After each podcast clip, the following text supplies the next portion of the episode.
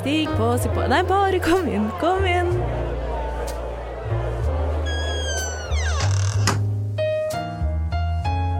Her i lobbyen er det plass til alle sammen. Velkommen til lobbyen på Radio Nova.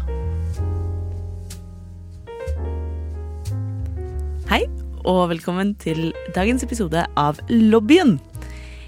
På onsdag denne uka så er det internasjonal pronomendag, altså onsdag 20. oktober. Så i dagens episode skal vi rett og slett snakke litt om det enkle, ukompliserte temaet språk, pronomen og kjønn og identitet.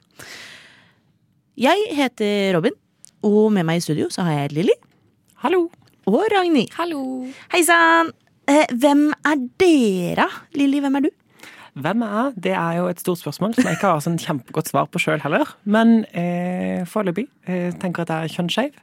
Jeg liker det jeg liker, så om det er bi eller pan, det er ikke så nøye. Og så er jeg 22 år gammel. Jobber med litt forskjellig. Og fornøyd med livet sånn for øvrig. Så bra. Hvor er du fra? Fra Kristiansand. Fra Kristiansand. Ragnhild, hvem er du? Jeg er Ragnhild, jeg er 25. Jeg er først og fremst trønder. Dernest uh, skeiv. Og dernest cis-kvinne. Så bruker hun henne-pronomen. Nydelig. Aha. Uh, ja, Ragnhild sa du bruker hun-henne-pronomen. Lilly, hvilke pronomen bruker du? Uh, jeg bytter litt mellom hun, henne og de, dem. Ja. Og hen, så er egentlig mye forskjellig. Men jeg tenker at uh, for denne episoden her så kan vi kjøre hen. Ja, og hvis vi roter det til, så går det helt fint. Så spennende. Jeg heter Robin. Jeg bruker også hen-pronomen. Jeg er ikke-binær og pan og 28 år gammel fra Oslo. Eh, I dagens episode så kan jeg også legge til at jeg er utdanna lektor i engelsk og norsk. Så jeg pleier å skryte på meg at jeg er både språk- og litteraturviter. Eh, men jeg har master i litteratur, så der ligger en liten sannhet i det. I dagens sending så har vi også fått med oss en gjest som jeg har vært så heldig å intervjue. Eh, Det er en av mine holdt på å si barndomshelter, er kanskje å ta litt hardt i, men en person jeg har sett opp til eh, ganske lenge. Eh, For det er nemlig språkforsker og transperson Kristin Fridtun. Kristin Fridtun er en nynorskbruker fra Elverum og norrøn filolog, blant annet, og har skrevet en del bøker om blant annet språk og kjønn. I dag har vi pratet med Kristin om pronomen, språk og identitet. Eh, Og det intervjuet, det får du høre nå.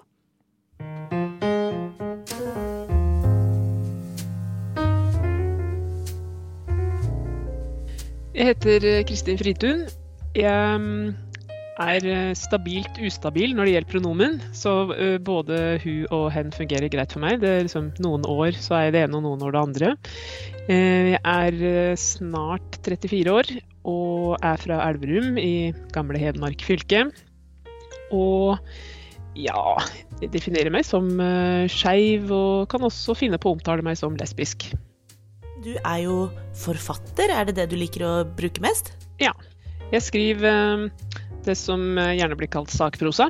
Altså, jeg, jeg dikter ikke opp. Jeg forplikter meg til virkeligheten på et vis. Og jeg skriver ofte om norsk språk, men har òg skrevet litt om homoseksualitet, eh, transtemaer, men gjerne med en språklig innfallsvinkel da også. Hva er egentlig et pronomen? Hvis vi skal tolke det veldig strengt da, og ta utgangspunkt i etymologien til ordet pronomen, eller pronomen på latin, så betyr jo det bare istedenfor navnet. Så eh, pronomen er ord som vi bruker i stedet for navnet når vi snakker om noen. Og bare i det så syns jeg det ligger en ganske sånn sterk oppfordring om å omtale folk riktig, altså på den måten de sjøl vil bli omtalt. For vi er jo generelt veldig opptatt av å bruke riktig navn når vi snakker om folk. Eh, Det føles ganske ubehagelig når noen omtaler en med feil navn. Det er akkurat som de ikke har brydd seg om å finne ut hva du heter og, og ta hensyn til det. Eh, Og litt det samme vil jeg si gjelder med, med pronomen. da, At eh, ja, du er opptatt av å omtale folk med riktig navn. Ja, da må du også bruke riktig pronomen. Um, det er liksom god, god folkeskikk. Åssen vi omtaler hverandre er jo kjempeviktig. Altså, folk som kan tillate seg å synes at det ikke er viktig, de eh, vet ikke, de er ganske heldige. Det er ikke sikkert de skjønner det sjøl. Kan du fortelle oss litt om hen-pronomene? Vet du hvor det kommer fra? Ja. Det er jo eh, ganske brei enighet om at dette kom til norsk via svensk, som eh, vel lagde det etter en slags inspirasjon fra finsk, som jo er et språk en helt annen språkfamilie med et helt annet system. De har ikke kjønna pronomer slik vi har. Og ja, det var vel særlig sånn rundt 2011-2012 at det begynte å bli sånn ordentlig debatt her i landet om dette ordet. Det har jo etablert seg relativt uh, godt, vil jeg si. Altså, jeg har inntrykk av at det får stadig flere og flere tilhengere, og at stadig færre liksom, stusser når de møter på det. Det er i hvert fall mitt inntrykk. Så hen-pronomen, som du sier, er jo ganske nytt, sånn vi kjenner det i dag. Men hvordan er den historiske konteksten? Hvordan har vi forholdt oss til pronomen opp igjennom, egentlig? Har det vært det samme hele tiden? Det som kan være verdt å nevne da, når du snakker om det historiske og gamle, og sånn, er at eh, det har jo skjedd mange ting i pronomensystemet vårt. For av og til i sånne diskusjoner om, om nye pronomen, så, så, sier folk at ja, men pronomen er et lukka system, og det skjer ikke endringer der. Og det er jo på et vis uh, riktig, da, men uh, Og særlig det at det er jo ikke alltid at noen grupper med vilje fører inn nye ord. Det er ikke så vanlig. Men det har skjedd masse ting. F.eks. så hadde vi i norrønt uh, såkalt sånn dualis, eller totallsform. Så du har altså et Hvis vi tar førstepersonspronomen, så har vi ek, som er som jeg. Og så har vi hvit, som er vi to. Sånn at hvis vi omtaler en gruppe på to personer, så er det et eget pronomen for det. Og så har vi eh, ver, som er hvis det er tre eller flere. da. Vi som er tre eller flere. Og det er jo noe, en endring som, eh, som har skjedd. Så bare, ja, Språkvitere vet jo dette, men den jevne eh, språkbruker kan kanskje gå rundt og tro at det skjer ikke endringer i pronomensystemet, og derfor er det feil og dårlig at noen nå prøver å endre noe der. Så eh. Ikke sant. Ja, nei, men det er, det er, interessant dette med eh, Man snakker jo ofte om hvilke deler av språket som er mer dynamiske og under utvikling enn andre. Og der er det jo ikke ofte språkgrupper som pronomen som blir eh, utsatt for endringer, men noen ganger så må det til. Ja, og det er jo helt riktig dette f.eks. i substantiv og adjektiv. Så, så ja, vi får jo inn nye ord hele tida, og de fester seg. Det kan gå fort. På noen døgn bare så kan et ord liksom er blitt eh, allment kjent. Så det er jo på en måte da veldig forståelig at et ord som hen har brukt flere år på å bli noenlunde etablert, fordi at det er såpass uvant da, med nye pronomen. Yes, og akkurat dette med at det er uh, uvant. Uh, du har jo helt rett i at det er uvant for mange med hen. Uh, og for noen er det mye dialektalske utfordringer også rundt om i det norske, ganske land. ja. Du har selv sagt at du syns at hen er lettere skriftlig enn muntlig. Hvorfor det? Ja, øh, der vil jeg også presisere da, at øh, øvelse gjør mester. Så det at øh, Jeg mener jo ikke at en liksom skal ta lett på hen i tale bare fordi en personlig syns det er litt vanskeligere. Uh, men det er noe med at det å skrive og snakke er to litt ulike handlinger. Og altså jeg tror talespråk det går mer på automatikk, da. Vi har mindre sånn, styring og ettertanke involvert. Ting bare glir på et vis. Det er jo så store variasjoner i norsk eh, tale når det gjelder pronomen og uttaleformer av de samme orda. Jeg bor eh, nå på Lillehammer, og i dialektene oppover i Gudbrandsdalen her, så er det veldig mange som uttaler pronomenet han som noe slags han eller hen. Altså, det glir nesten sammen med hen, da. Og så kan du tenke ja, det, det kan jo være uheldig, muligens, i noen sammenhenger. Men så vil jeg også si, er det egentlig et problem? Eh, ofte i en samtale, når du henviser til noen med et pronomen, så vil det ofte ha gått fram tidligere i samtalen hvem det er snakk om. Det, det, så det er nå én side, at det hen kan lydelig ligne på eksisterende pronomen. Og så har du det store problemet med, med trykklette former av pronomen. For der vil jo mange ha en slags sånn trykklettform som ikke er han eller hun, men noe eget. Ofte bare en N hvis det er snakk om eh, hanskjønn. Så jeg snakka med en far i går, eller jeg snakka med A-mor. Så hva skal du da gjøre med hen? Um, der uh, Her tror jeg det er vanskelig å, å, få folk til å begynne å bruke det samme. Så sjøl har jeg bare da brukt hen. Men jeg syns Jeg vet ikke om jeg syns dette er et alvorlig problem, da. Jeg får av og til inntrykk av at folk liksom leter etter problemer. Uh, og syns det er veldig gøy å diskutere eventuelle ulemper, i stedet for å bare sånn Bare la det skure, da. Tror du hen får eh, innpass i de norske ordbøkene etter hvert? Ja, det tror jeg. Ja. Eh, kan, kan, jeg jo få skyte inn noe generelt om ordbøker og sånt? Ja, selvsagt. Fordi at altså, de fleste moderne språksamfunn så har, eh, så har en regler for rett og feil osv. Og, så og ordbøker og sånn språklige ekspertorgan har ofte veldig høy prestisje, og folk er veldig opptatt av eh, hva de mener og hva som står i ordbøkene og sånn. I noen tilfeller så går kanskje den eh, tilliten litt for langt. Jeg vet det fins en del norske språkbrukere som tror at ordbøker er samlinger over godkjente ord. Så ord som ikke står i ordboka, er, det er tulleord eller ikke ekte ord. Og Eh, og det, det, er jo helt feil, da, eh, kan jeg bare skyte inn. Ofte er det litt tilfeldig hvilke ord som har kommet med i ei ordbok ikke. Det er jo vanlige folk som Eller i hvert fall ja, ganske vanlige folk som sitter og lager dem. Men det som er greia er at dette kan bli en sirkel da, som er vanskelig å bryte ut av. Så i og med sånn Ja, jeg vet at ordbøker er ikke lister over godkjente ord. Men i og med at mange tror det, så er det jo også veldig sånn rimelig å ville arbeide for at f.eks. ord som er viktige for meg, kommer inn i ordboka. For da får det liksom mer tyngde bak seg. Så uh, poenget her er vel uh, at uh, det kan være viktig å få hen inn i ordboka, men jeg er nok mer opptatt av at folk bare skal bruke språket. Det er jo det Språkrådet også sier, da. For mange er også opptatt av hva de mener. Så jeg vil jo kanskje oppfordre til å bruke orda mer og så kommer det jo inn etter hvert, sannsynligvis.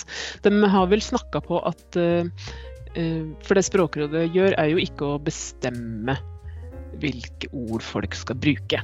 Det, har, det ligger ikke i deres mandat, men de uh, skal normere ord som er mye i bruk. Så det vil si, hvis hen da blir brukt mye, slik det ser ut som at det blir, så må Språkrådet fastsette hvilke former eller skrivemåter ordet skal ha. Og det ser det ut til at eh, de er i gang med. For de, jeg har hørt eh, iallfall direktør Åse Vetås si at de trolig skal eh, sende dette her ut på høring, kanskje i høst. Og da er det hvilke former hen skal ha i subjekt, objektsform og gentivsform. Så da er det en slags ball som er i gang med å rulle, da.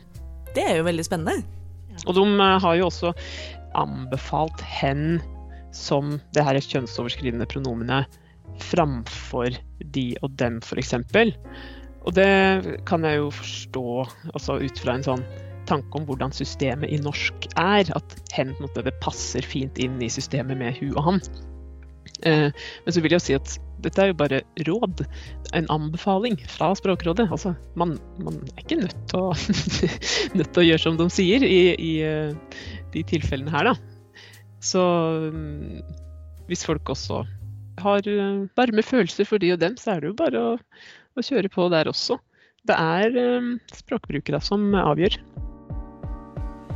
Nordmenn er engasjert ungdom og livserfarne gamle.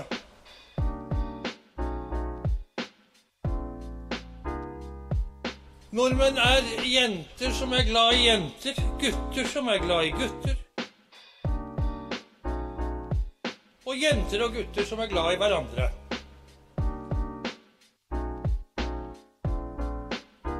Velkommen til lobbyen på Radio Nova.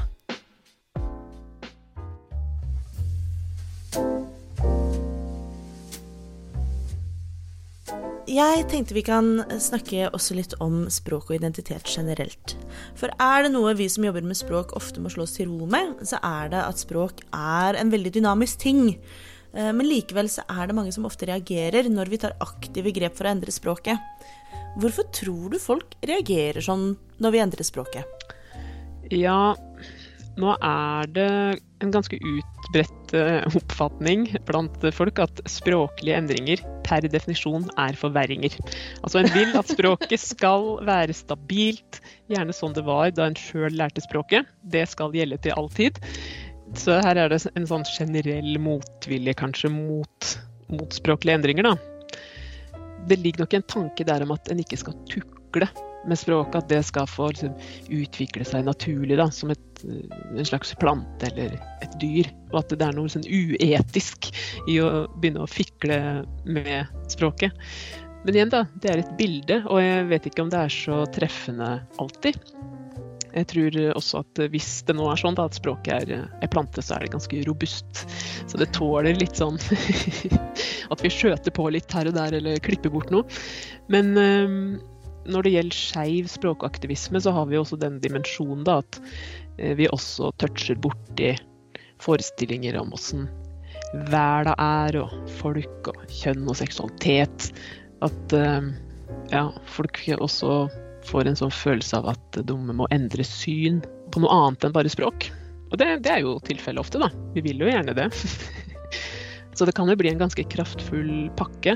Og så tror jeg noe av motstanden også handler om at folk kanskje for første gang blir kjønna sjøl, eller tenker over at de blir det.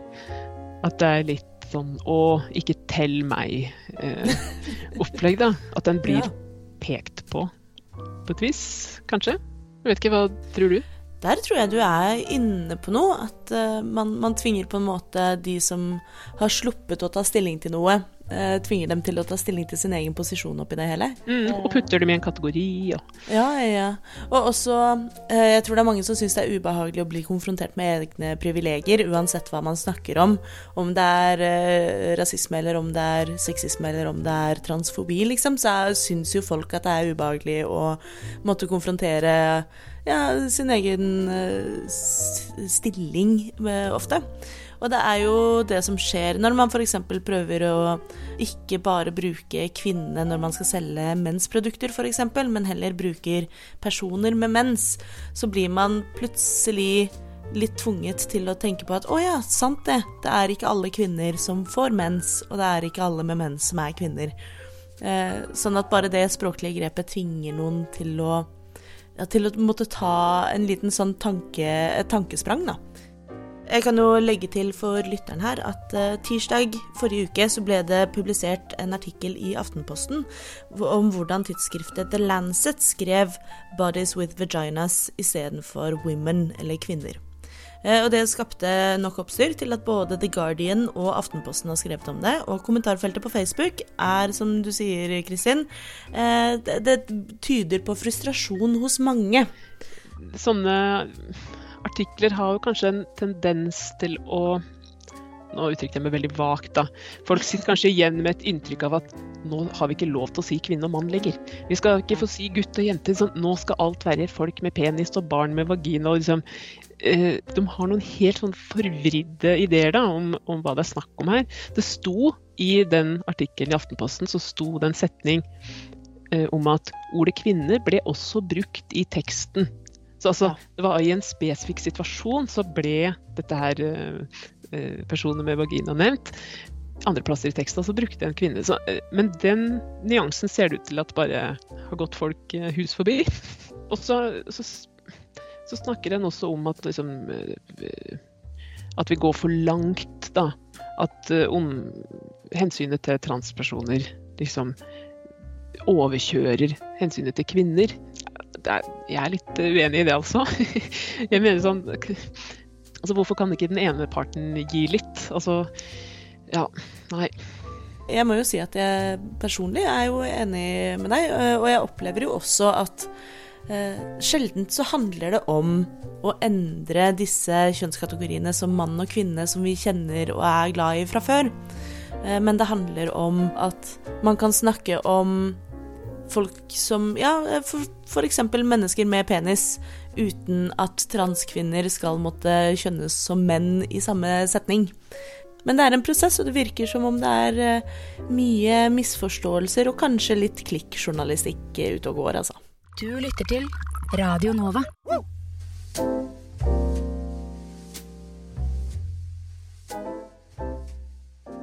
Hvilken rolle tror du egentlig språk spiller i identitetsutviklinga vår? Er språk viktig? Eh, ja Det Altså, tenk hvis jeg hadde sagt nei. Hva, Ja, det var veldig Hva er poenget med denne sånn sett. Nei, eh, det er eh, vanskelig å se for seg eh, en identitet uten språk. For eh, i språket så er det mm, kategorier som jo fins forut for at vi ja, blir født og kan tenke og, og føle noen ting. Og vi forstår oss kanskje i lys av de orda og sånt som fins.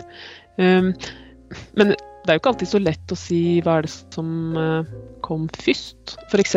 da jeg rundt sånn 2010 kanskje eh, søkte opp liksom, ordet transperson i ordlistene til eh, LLH, som det vel het den gangen, FRI nå, um, så følte jeg jo at her er det noe som matcher. Altså dette ordet passer med noe som fins inni meg. Så jeg kan jo si at det var en, en følelse her eh, som, som var der allerede før det ordet dukka opp. Så eh, Nei, jeg vet ikke. Det er, det er innvikla saker. Men jeg, jeg vil jo absolutt si at eh, de orda som fins i språket, forteller oss jo ofte også noe om hva som er mulig. Hvilke liv og tilværelser som, som fins. Og eh, når jeg f.eks. da oppdager ord som jeg syns passer med det jeg føler, så, så noe av det første jeg tenker, er jo også at da fins det jo andre som har det sånn. At jeg er ikke den eneste. Og bare i den opplevelsen kan det jo ligge ganske mye eh, gode ting. Det er kanskje litt, eh, litt ekstra viktig for de av oss som er skeive, da. Eh, Når man ramler over et ord og brikkene faller litt på plass. Kanskje mer enn det er for andre.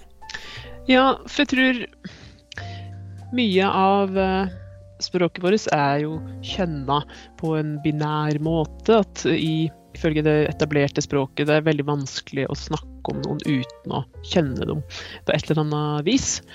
Og, og da vil jo det å jobbe med språket for å vie ut og endre de tinga bli en, eh, ja, en helt sånn nødvendig og stor del av uh,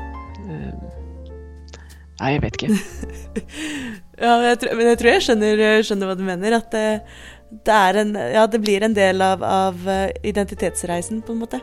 Ja, det er et vanskelig ord, da. Ja, Vi vet ikke, jeg vet ikke om jeg skjønner helt hva det er. jeg vet hva det er så lenge jeg slipper å definere det.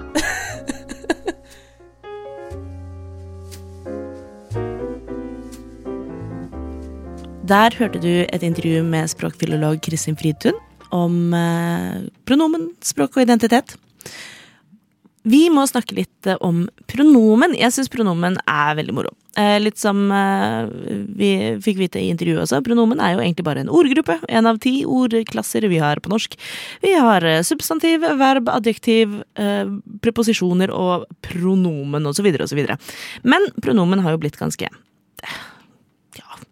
betent er kanskje å ta litt hardt i, men eh, man snakker mye om det. Eh, vi snakker mye om det. Vi har det på starten av hver episode, så eh, snakker vi om pronomenene våre. Så jeg lurer litt på Hva var deres liksom første møte med at pronomen var noe mer enn bare en ordklasse?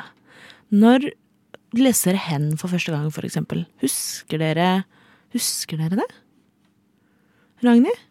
Uh, jeg ble kjent med they gjennom Tumblr. Ja. Um, og så eh, husker jeg at jeg søkte opp hva det norske tilsvarende var. Uh, og så tenkte jeg ikke så mye mer over det før jeg møtte deg og Chris. Å ja! uh, uh, og da husker jeg jeg så det på Facebooken din. Ja. Eh, eh, for jeg tror eh, jeg tror, eh, jeg tror aldri vi hilste hvor du sa pronomenet ditt. Nei, jeg gjør det litt for lite til at jeg egentlig liksom mener det er en kampsak. Men jeg har det. Det er den eneste informasjonen jeg har i liksom biografien min på Facebook. Man bruker jo nesten ikke Facebook lenger. Men i biografien min på Facebook så står det 'hen'. Jeg Og, eh, tror det er det som står. Ja, og da ble jeg kjent med at ah, ja, nå skal jeg prøve å Nå skal jeg bruke dette. Gøy. Eh, Så det er vel egentlig det. Er så moro. Ja. Mitt forhold til, um, til hen-pronomen, faktisk, har jo egentlig vært en sånn um, sånn tafatthet, eller litt sånn oppgitthet, da. Fordi at eh, jeg føler liksom før Ja, liksom, jeg har egentlig bare hørt voksne mennesker snakke om det i liksom min oppvekst som sånn ja, nå er det snakk om det der hen-pronomen igjen, men det er jo veldig van vanskelig. Det funker jo på en måte ikke helt i praksis. Nei, å, det er slitsomt. Og så, ikke sant, så kom jeg jo ut når jeg var 16 og gikk fra å bruke et han-pronomen, som noen mente at jeg måtte bruke, til at, eh, å bruke hun-pronomen. Da ble det jo veldig viktig i mitt liv, det pronomenet, da. Men da merka jeg også at da kunne jeg få den sånn åh, ja, altså, det er jo krevende å bytte pronomen, men heldigvis er du ikke en sånn hen-person. Heldigvis, liksom. Og jeg merker Så- det går, det, går varmt i hele meg. Så jeg har opplevd en litt sånn at hen-pronomene er litt sånn for brysomt for folk flest. Og det er veldig sånn Det har jo kanskje gjort at sånn hele den reisen min også har blitt litt sånn utsatt. Fordi at jeg opplever hen-pronomene som ja, det er rett og slett for brysomt. Og hvis du da vil at folk skal like deg, så, så er man liksom for mye i veien, da. Det krever noe av den du vil skal bruke pronomene, på Ja. en annen måte enn kanskje han og hun gjør. Jeg har til og med opplevd at hvis jeg sier jeg bruker hen-pronomenet, så eh, slutter de nesten å snakke med for de vet ikke hvordan vi skal referere til meg. Og det syns jeg er veldig gøy med det, er jo at man bruker jo pronomen når man snakker om folk i tredjeperson. Ja. Så hvis de hadde snakka med meg, så trenger du jo ikke engang å forholde deg til pronomen, egentlig. Du må bare alltid ha deg i rommet. Ja, direkte kontakt med meg at all times. Ja. Nei, men eh, der er du inne på noe, eh, inne på noe vir virkelig liksom En av mine Vi snakket om forskjellen på brannfakler og andre typer fakler, men en av mine liksom virkelig brannbomber, molotov cocktails, liksom Ja, er ikke en lunken en, men en skikkelig en skikkelig brennheit en, og det er folk som mener at hen Det er så trøblete. Det er så vanskelig. Det er så vanskelig. vanskelig. Det er så vanskelig. Um, og der jeg har jo på den ene siden veldig lyst til å være liksom, en god pedagog, en tålmodig folkeopplyser, en som skjønner at ja, noen ganger er det vanskelig. Men på den andre siden så er jeg altså så drittlei. Jeg er, jeg er så lei. Ta deg sammen! Det er åh, Det krever bare øvelse. Eh, Men det er jo nettopp det også, at det krever faktisk øvelse. Det kommer ikke av seg selv. Um, så jeg skjønner at det er vanskelig, Eh, men samtidig så kommer man til et punkt nå hvor det er liksom Hva krever mest energi av deg? Krever det mest energi av deg å bare liksom bruke et par måneder på å øve deg litt? Hver gang du sier feil, så tar du og stopper opp, og så sier du 'unnskyld, jeg mente hen', eller uh, heller enn å si 'ja, jeg møtte Robin på fredag, hun hen', ta den, eller bare stopp opp, og så sier du inni, inni deg selv, si det riktig tre ganger. Robin er ikke-binær, hen er 28 år gammel. He, jeg møtte hen forrige helg. uh, jeg liker håret hens. Tusen takk for øvrig. Mm. Um, men at man tar noen sånne runder og øver for seg sjøl, ja, det krever det, men kanskje det er mer energibesparende i lengden enn at hver gang du møter noen som bruker hen-pronomen eller ser det i media, så skal du gå og bli irritert. For det virker jo definitivt mest slitsomt. Å bli irritert hele tiden. En ting jeg også kan anbefale, er ehm, hvis du føler at du sier feil ofte, uh, som jeg syns jeg gjorde i starten, um, bare eh, ha, finn deg en venn, uh, og bare ta bare sette av tid til å være sånn Nå skal vi prate masse om, om uh, folk som bruker hen-pronomen i tredjeperson, og bare få masse mengdetrening. Um, Ja, men den er fin. ja, gjerne med en person som heller ikke bruker hen. Sånn at det liksom, du slipper å, å feilkjønne noen, men bare sette av tid. Bare sånn eh, Jeg må øve meg, du må øve deg. Vi kan øve oss sammen. Ja. Ja, den er fin. Uh, og så er det litt uh, Kristin Fritun er jo inne på det i intervjuet at uh, hen nevner at hen er litt vanskeligere muntlig enn skriftlig. Eh, og det tror jeg er riktig også fordi det er mange dialektalske nei, forskjeller i, i Norge. Folk, eh, Noen eh, bruker dialekter hvor det, hen liksom ikke passer helt inn, mens eh, andre steder så går det helt fint. Men det er mye som kan løse seg med øvelse og trening. Jeg er også bare generelt veldig spent på å se hvor så, Sånn med tanke på dialektene, sånn hvor hen kan gå. Sånn, hvordan skal vi uttale hen på nordnorsk om 20 år? Hvor går det hen? Ja! Hvor, hvor går det hen? Ikke sant? Ja. Øh, Men ja, nei, jeg kan jo også legge til eh, hvordan jeg først ble kjent med hen. Jeg hadde jo litt samme tilnærming som deg, Ragnhild. Tumblr var min store opplysningstid. Eh, sånn at jeg ble også først kjent med det i dem på Tumblr. Eh, men det året det året jeg utforsket kjønn mest, tror jeg var Jeg mener å huske at det var 2015. Og det var også et år jeg skrev veldig mye. Eh, Jeg liker å være med i et skriveprosjekt som heter NaNoWriMo, som er National Novel Writing Month. Og det er hver november så skal du skrive en hel jævla roman. Eh, så det kan jeg faktisk skryte på meg. At ja, hei, jeg heter Robin, jeg har skrevet en hel jævla roman. Eh, den er skikkelig, skikkelig dårlig, for den er skrevet på en måned. Men eh, den skrev jeg på engelsk, og der hadde jeg med en karakter som jeg er veldig glad i, som heter Jack. Eh, og Jack er ikke-binær, eh, kjønnsflytende, eh, og bruker they-them-pronomen. Og da merket jeg det at når jeg skrev, særlig når jeg skrev på engelsk, så var they-them ganske utfordrende. Og det er jo nettopp av de grammatiske egenskapene til det i dem. Sånn at det virket alltid som om jeg skrev om flere personer. Så jeg ser for meg at hvis jeg skal skrive om ikke-binære personer på engelsk i fremtiden, så kan det hende at jeg gir dem eh, andre pronomen, som for eksempel they, zere, eller eh, den type ting. Eh, bare sånn at det er lettere å distansere i språket. Men jeg begynte også et norsk skriveprosjekt. Og der var det en ikke-binær karakter som da istedenfor å bruke they, dem, brukte hen.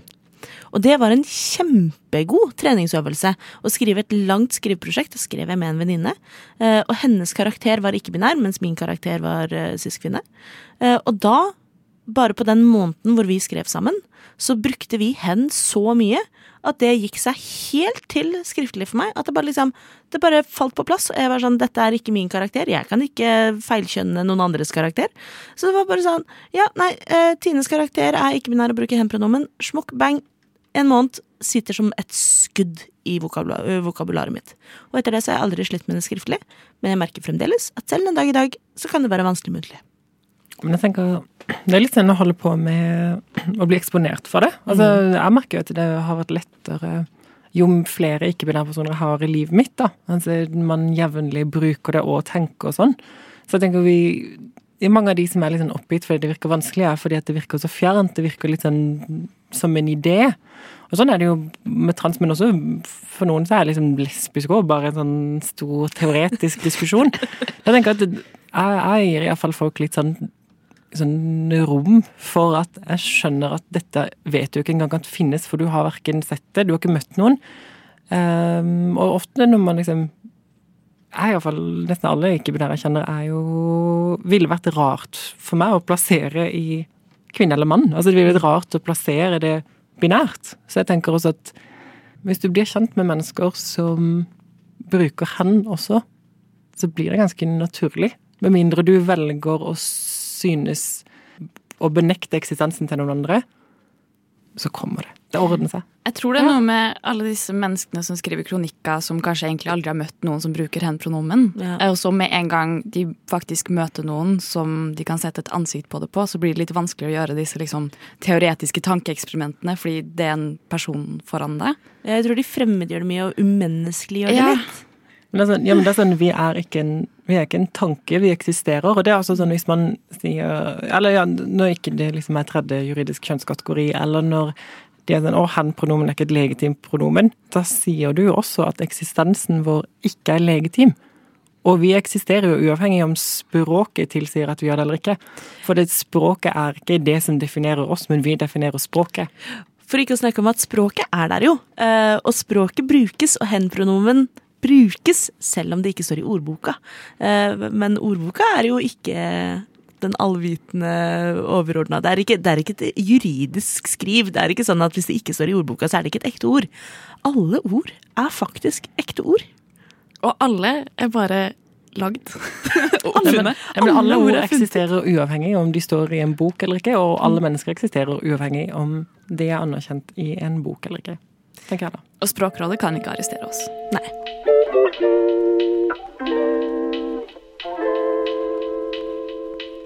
Okay, listen up. This is for the girls and the gays and the theys. So if you're not a girl or gay or they, keep scrolling. I'll wait. Okay, now that you're here, I hope you guys have a good day. Velkommen til lobbyen på Radio Nova.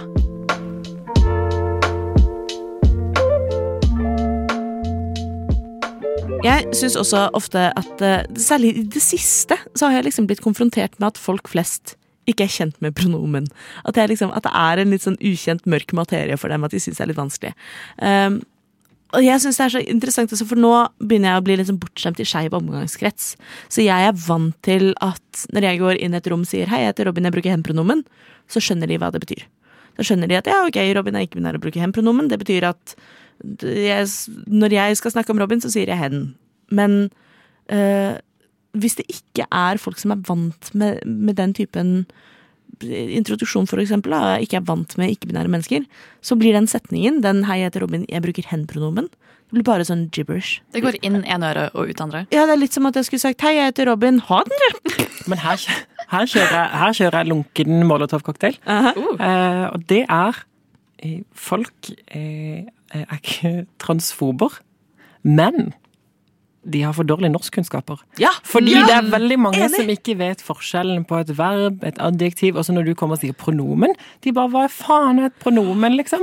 Så jeg tenker at du, det kan altså, Av og til så kan eh, kommunikasjon være at de rett og slett ikke forstår det språklige aspektet. Ikke nødvendigvis de, Kanskje de forstår identiteten, men de bare hvis språk, introduserer er for lav.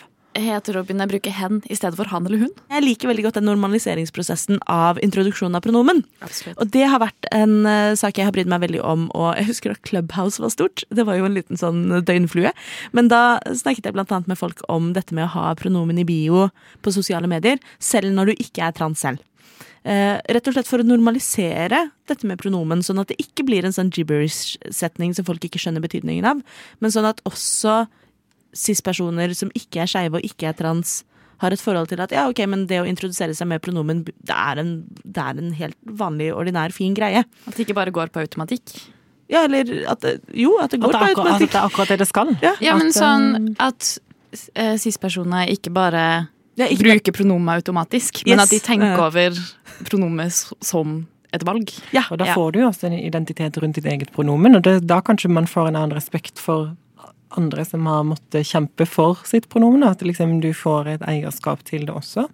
Ja, og så d- d- Der tror jeg du har helt, helt rett. Og så tror jeg også at det bidrar til ja, å, å fjerne stigmaten rundt Uh, at man snakker om pronomen og at det er der, og og så at folk slutter å være liksom sånn Å, jeg er så glad du ikke bruker hen-pronomen, liksom, at det skal være et problem, men at folk er vant til at det er helt ok.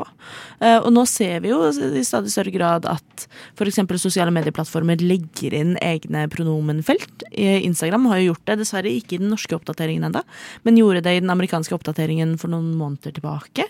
Eh, la inn pronomenfelt. Jeg tror det jeg har lyst til å konkludere med, da, og som jeg prøver å bruke i praksis i de situasjonene jeg selv kan, er å ta med f.eks. pronomen i introduksjonsrunder hvis jeg er på vors, f.eks., eh, eller på fest. Jeg gjorde det siste var gangfest her på Radio Nova. Tar en runde og spør om folks pronomen. Eh, det som også er litt morsomt, er når folk blir helt satt ut av det. Eh, da, da koser jeg meg litt, og så blir man litt sånn, man blir litt ovenpå sånn Du vet ikke hva pronomen er, du er omringet av skeive mennesker akkurat nå, føler du deg ikke litt dum? Eh, og den er litt deilig å føle på, men samtidig så eh, er det med på å normalisere for alle og enhver at pronomen må kunne gå an å spørre om. Men jeg tror også det, det er også mange som syns det er litt sårt å bli spurt om pronomen. Fordi at det, altså, det er jo én ting med de som på en måte er i en transition, eksempel. Altså Ja. fra mann til eller kvinne til mann, for eksempel. Eh, der det blir sånn derre OK, du vil passere, eller sånn, du vil bli lest som det kjønnet du identifiserer deg med, og så kommer noen og sier hva er pronomen ditt, så kan det også oppleves som sånn Jøss, men hvorfor Altså, eh, hvorfor trodde- deg. Trodde, trodde jeg var noe annet, liksom. Eller også når jeg snakker med en cis-kvinne som veldig åpenbart er klassisk feminin, passer veldig inn i den rollen, og jeg sier ja, hva er ditt pronomen? Så kan de bli sånn «Eh, Som om det er et spørsmål. Altså sånn, Du kan ikke stille spørsmål om min identitet. Den er jo så tydelig. Det mm, er litt sånn Jeg kan skjønne at det er sårt. Jeg håper vi kommer litt forbi det, for jeg tenker sånn, sånn praktisk så er det ikke liksom den beste løsningen. Men jeg, jeg syns det er viktig å ta med at det er liksom et, et følelsesaspekt og en identitetsaspekt som gjør at det, for mange så kan det være litt vanskelig å bli spurt om pronomen, fordi de opplever litt sånn at de blir putta inn i noe som Eller noen stiller spørsmål rundt identiteten som de er veldig trygge i. Ja. men der tenker jeg at eh, det er nettopp dette med å normalisere det å spørre om pronomen. At du kan spørre alle om pronomen, og også at liksom det at du er eksempel klassisk feminin, betyr ikke nødvendigvis at du ikke kan være ikke-binær også, eksempel. Men, men det er nettopp det du sier som er jeg syns det er interessant, og det er litt sårt for meg også, fordi jeg opplever jo at jeg blir spurt ganske lite om pronomen. Eh, og det igjen blir en liten sånn undergravelse av min identitet. Så jeg skjønner veldig godt hva du sier, da. At det går litt begge veier. At det å spørre noen om pronomen blir litt å stelle spørsmål ved identiteten deres. Og det å ikke gjøre det blir å liksom ta det for gitt. Men målet med øvelsen er vel egentlig bare å normalisere og spørre om pronomen bare for ordens skyld. At, det liksom bare, at man bare spør, og at det ikke trenger å være så meningsbærende. Jeg tror det blir en prosess Ja, med en emosjonell faktor som kommer til å gå over etter hvert. Men det som også er viktig å nevne, er jo at det er i enkelte situasjoner fare for at det å spørre noens pronomen, det kan være ganske utleverende. Eh, Det kan være noen som føler at de blir pressa til å gå ut av skapet som de egentlig har lyst til å bli værende i, f.eks. Men da tenker jeg også at man bare må huske på det, at eh, hvis du føler deg utrygg i en situasjon og blir f.eks. spurt om pronomen, så er det helt lov å svare et pronomen, og så komme tilbake to uker etterpå og si du, faktisk, nå kjenner jeg deg litt bedre. Jeg vet jeg sa det pronomenet, men jeg vil faktisk heller bruke et annet. Mm. For det er lov å ombestemme seg, og det er lov å være under utvikling. Og så er det ikke alle situasjoner hvor det er trygt å skulle være den som spør om pronomen heller. Det er også sant. Nei, og så er det sånn som for meg som jobber i kundeservice, for eksempel. Så blir det sånn Ok, jeg jobber med mye, mye eldre personer som har på en måte sitt tankesett om, om verden, og jeg skal møte dem i en veldig kort periode, så blir det sånn Jeg trenger ikke å ta den diskusjonen da. Da tenker jeg at det de leser meg som, det får være greit nok. Nå har jeg veldig fått tildelt eh, gjentatte ganger på jobb det pronomenet som, som er, som er eh, øh. Altså eh, Ja, altså eh, Here comes the sier- Here comes the øh, Det brukes liksom jo sånn. kanskje veldig ofte, så kanskje Språkrådet tar det inn. Hello, Ja, og også tredje pronomen er welcome here, there, Ja, men det er sånn mm, Sa at den brillen var fin på deg, liksom. Hvis du bare sier mm, er der. Å, kanskje det må, det må være en mer sexy lyd. Det er det Språkrådet vil ha. Fritt for å ikke ha pronomen lenger. Eh, mitt pronomen er nå bare Mitt pronomen er eh, Takk til eh, Ragnhild, eh, som har vært eh, teknikeren vår i dag. Brr, har gjort en veldig god jobb. Tusen takk. Du Du hø hører på. på Radio Nova.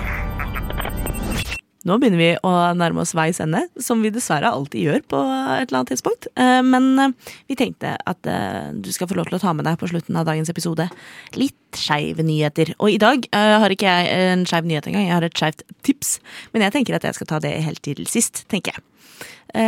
Lilly, hva er din skeive nyhet? Jeg har en nyhet. Breaking news. Eller det er kanskje ikke breaking, men det er nyheter i hvert fall. Det er i Nederland. Selveste landet for på en måte alt som skal legaliseres. Så er det også blitt lov for monarker å ha likekjønnet ekteskap. Det Rart at det kom etter mye annet. Etter mye annet, ja, ja. Men det kan jo være at uh, altså, noe av det som har blitt legalisert, har ført til at de resonnerte fram til det som de kom fram til nå. Noen satt på en coffeeshop og bare «Ah, Hva om kongen er homo? Hva gjør vi da? Men det er faktisk det som jeg tenkte på, innså nå mens jeg sa det. Det er jo, nå er jo veldig mange av de sånn angstfylte periodedramaene med sånn lesbisk kjærlighet, de er jo ødelagt. Premisset er jo helt ødelagt. Kan ikke ha Og- de i 2021. Og også Netflix-serien Young Royals, som er jo helt fantastisk nydelig. Det kommer jo en sesong to av den. Den spiste jeg opp en dag. Hvis dere ikke har sett den, se den. Svensk, svensk prins. Som er litt homofil. Den er veldig, veldig fin. Men den også mister jo litt av premisset sitt, da, hvis det skal plutselig ikke er noe problematisk. Ja, jeg sier bare Ingrid Alexandra, vi ses i Nederland. Oh, yeah. Oh, nydelig. Å, nydelig! Jeg har også en nyhet. Ragnhild, du har en nyhet. Ja, visste du at British Airways nå skal slutte å si 'ladies and gentlemen' på flyet på når de skal ta av? Så fint! Aha. Hva skal de si i stedet? Ja, det vet jeg ikke. Kanskje 'passengers' eller Ja, noe. et eller annet. Men, men Men det er jo veldig relevant for eh, det vi prater om her. Det er jo så fint. Jeg håper at flere eh, flyselskaper, og egentlig alle selskaper ever, gjør det samme. Mhm. Ladies and gentlemen, du trenger jo ikke si det. Du kan si 'hello, everyone'. Man trenger ikke å være en gentleman for å ta fly, liksom. Nei, det er mye rasshøl på fly, faktisk. Du vet disse gutta som driver og manspreader og tar begge armlenene? Er ikke mye gentle i de mennene Og babya, eller? Å, fy! Å. Håper- Gentle baby, not so much. Sorry. Jeg håper, at, jeg håper at de åpner for alt. Altså, da, da, mener jeg sånn For det, det er av og til litt kjedelig å fly òg. at liksom, du vet ikke helt Du vet jo hva som skjer, du skal bare sitte der og så dukke opp på neste sted. Så det som var gøy, var at liksom, kapteinen må finne på noe nytt For hver gang. Hello, Litt my, hello, Litt my improv. sweet little ducklings. Now we're gonna fly.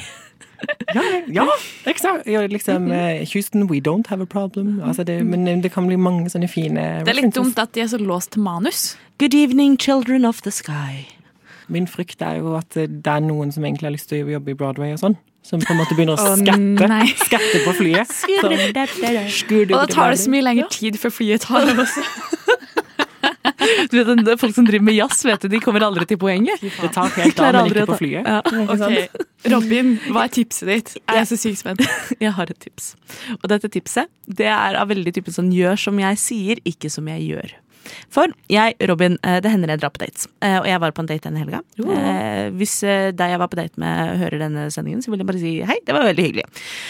Det var en første date, og jeg gjorde noe skikkelig dumt. Jeg gjorde det ikke bare én gang, jeg gjorde det tre ganger. Jeg tok telefonen tre ganger mens jeg var på date. Og altså, jeg, jeg, blir helt, sånn- jeg blir helt himmelfallen over meg selv, for jeg vet så godt at her, det, man skal ikke gjøre det. Man Var det viktige telefoner? Nei! Så her sitter du og dømmer folk og sier at det er ikke mange gentlemans på fly, det er masse rasshøl, og så er du rasshølet sjøl. Og så sitter jeg og tar telefonen mens jeg sitter på date. Nei, Vi satt og hadde en veldig hyggelig lunsjdate på en liten kafé på Løkka. Og så Først så ringer farmor. Og det er litt sånn det, det, det hender at jeg nevner på date at jeg møter min farmor ofte, og sånn, for det er litt sånn karmapoeng. Men jeg trenger jo ikke ta telefonen når dama ringer på date. Og så er det en venninne som ringer to ganger. Eh, og det er også sånn jeg kunne bare, jeg kunne bare teksta henne liksom. Jeg kunne teksta henne og sagt at jeg var på date, men det som også er så vanskelig, det er når hun ringer og litt sånn Ja, hei, hva gjør du? Så sitter jeg jo på daten. Kan, det da, kan jeg si Hallo, jeg er på date! Jeg Og så hører du gjennom telefonen sånn jeg kan ikke gjøre det mens jeg sitter foran daten. Men, men uh, konklusjonen er uh, Sett telefonen på stille. Legg den i ryggsekken eller i veska eller hva enn du har med deg. Og, og ta den fram når du skal på dass, liksom, eller når, når daten er på do. Da kan du titte på telefonen. Men ikke ta telefonen når du er på date. Ikke, ikke gjør som meg. Vær høflig. Gi daten din oppmerksomhet. Det er mitt tips i dag. Men tipset ditt er jo oppfør deg som, som det forventes. Altså, det kan, Oppfør deg som folk har for, for vi har jo ikke liksom sett langtidsvirkningene av dette. Det kan jo være at det bare Altså egentlig så gikk det helt krise, men så var du litt kostbar. Eh, For jeg tenker eh, kanskje Jeg jeg vet ikke. Du er jo veldig snill. Ja, og Eh, jeg, jeg kanskje finnes jo ikke du trengte litt edge? Men det fins jo ikke kostbar. Jeg syns jo bare jeg virka surrete. Men eh, det jeg også kan legge til, er at hvis du føler også at du har hatt en litt dårlig date litt som, Det føles litt som å ha et dårlig jobbintervju, hvor jeg har forberedt meg dårlig. Det var litt den følelsen jeg satt igjen med etterpå, at jeg hadde, vært, jeg hadde gjort et dårlig inntrykk, og det var bare min skyld. Eh, men da eh, går det alltid sånn send en melding og si du, jeg beklager. Eh, jeg har dårlig samvittighet. Jeg syns jeg oppførte meg skikkelig dårlig, men daten var hyggelig, og jeg vil gjerne møte deg igjen. Uh, så sender man den meldingen, og så kan det hende det går bra, og så kan det hende det går dårlig, men du har i hvert fall sagt unnskyld. Men jeg vil jo si at det eh, altså det du sa i stad, det er jo ikke et råd, det er jo allmennkunnskap. Men det du kommer nå, det er jo et råd. Det er jo et kjempebra råd. Det er, tipset er har du fucka opp første date og virker som et rasshøl, så går det an å sende en hyggelig melding. Være helt ærlig og åpen om eh, hva som skjedde, og at du vet bedre. Så kan du faen meg få en date til. Det er sant. Så det, det er ikke sånn at du bare er en audition to make it. Og det, beste, og det beste er å sende den meldingen så fort som mulig, og ikke drøye med den altfor lenge. Eh, For hvis den kommer to dager etterpå, så virker det som om du bare angrer. Men hvis den kommer med en gang etterpå, så har du vist at oi, shit, uh, dette skjønte jeg med en gang, faktisk. Egentlig så innser jeg nå at det morsomme hadde vært hvis du hadde ringt. Mens du var på en annen date. Å nei! På en annen date! Å, herregud. nei, det blir for meget. Hei, du, Det jeg må være rask her. Jeg sitter i en annen date. Jeg skal bare si Åh, jeg håper ikke dette blir liksom noe sånn eh, Dette blir trademarket mitt nå. Eh, hvis du sier at ikke du har bad boy energy, liksom, hør på denne rutinen her. Dette har du gjort før. Det snakker om å leke kostbar, si. Du, sorry, jeg må bare ringe hun jeg data forrige uke. Ja, nei, men eh, det var, det var mitt eh, tips istedenfor dagens nyhet. Jeg tenker at her setter vi strek. Eh, tusen takk for at du har hørt på oss prate om både det ene og det andre i dag. Hvis du har spørsmål om språk og pronomen og sånn, så når du oss på Instagram. eh, og har du andre spørsmål, så er det jo bare å sende inn, og så svarer vi gjerne i lobbyen. Ja, og hvis du ringer Robin, så får du svar med en gang. Med det så sier vi takk for i dag. Jeg heter Robin. Med meg har jeg hatt Lilly og Ragnhild. Og eh, ha det bra. Nå legger jeg på. Du har nettopp hørt en podkast av Lobbyen på Radio Nova. Er du interessert i å høre mer?